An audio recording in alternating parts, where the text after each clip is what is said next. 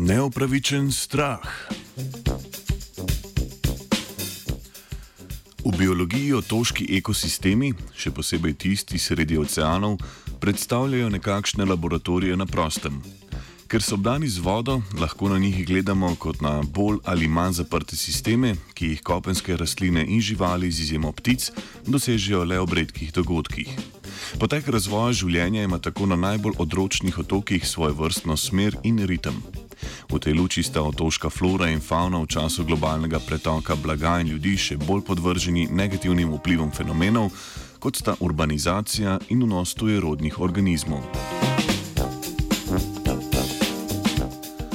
Britanska raziskovalka je pretekli mesec v reviji Journal of Animal Ecology objavila raziskavo, v kateri je najbolj znan laboratorij na prostem, Galapaško otočje, uporabila za preizkus prilagoditev protiplenilskega vedenja ene izmed vrst Darwinovih ščinkavcev v različnih okoliščinah.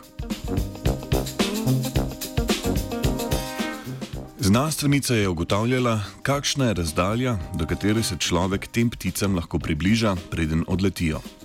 To tako imenovano razdaljo inicijacije leta je avtorica v predstavljeni študiji povezala z zgodovino prisotnosti tujerodnih plenilcev, domačih mačk.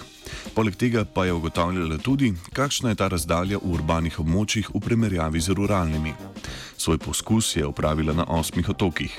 Na vseh izmed njih so bila prisotna urbana območja, razlikovali pa so se po zgodovini prisotnosti domačih mačk.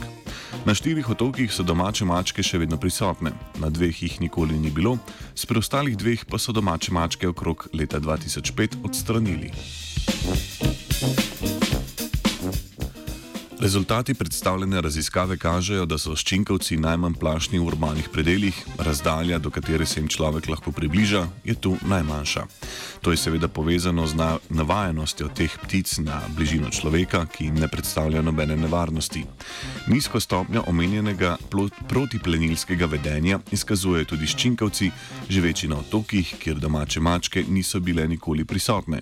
So pa prisotni drugi naravni plenilci teh ptic, kot so nekatere ujede in kuščari. Morda najbolj presenetljiva ugotovitev pa je ta, da med protiplenilskim vedenjem na otokih, na katerih so mačke še prisotne, in vedenjem na otokih, kjer jih ni več, ni velikih razlik. Tako ptice, ki so mačk navajene, kot tiste, ki jih niso več, so potencialnim plenilcem umak, se potencialnim plenilcem umaknejo na podobni razdalji. To nakazuje, da se priučeno vedenje, ki se je pojavilo šele po prihodu ljudi in s tem domačih mačk na otoke, ohranja tudi generacije potem, ko neposredne grožnje strani plenilca ni več. Ptice je plašil Gregor. Three, two,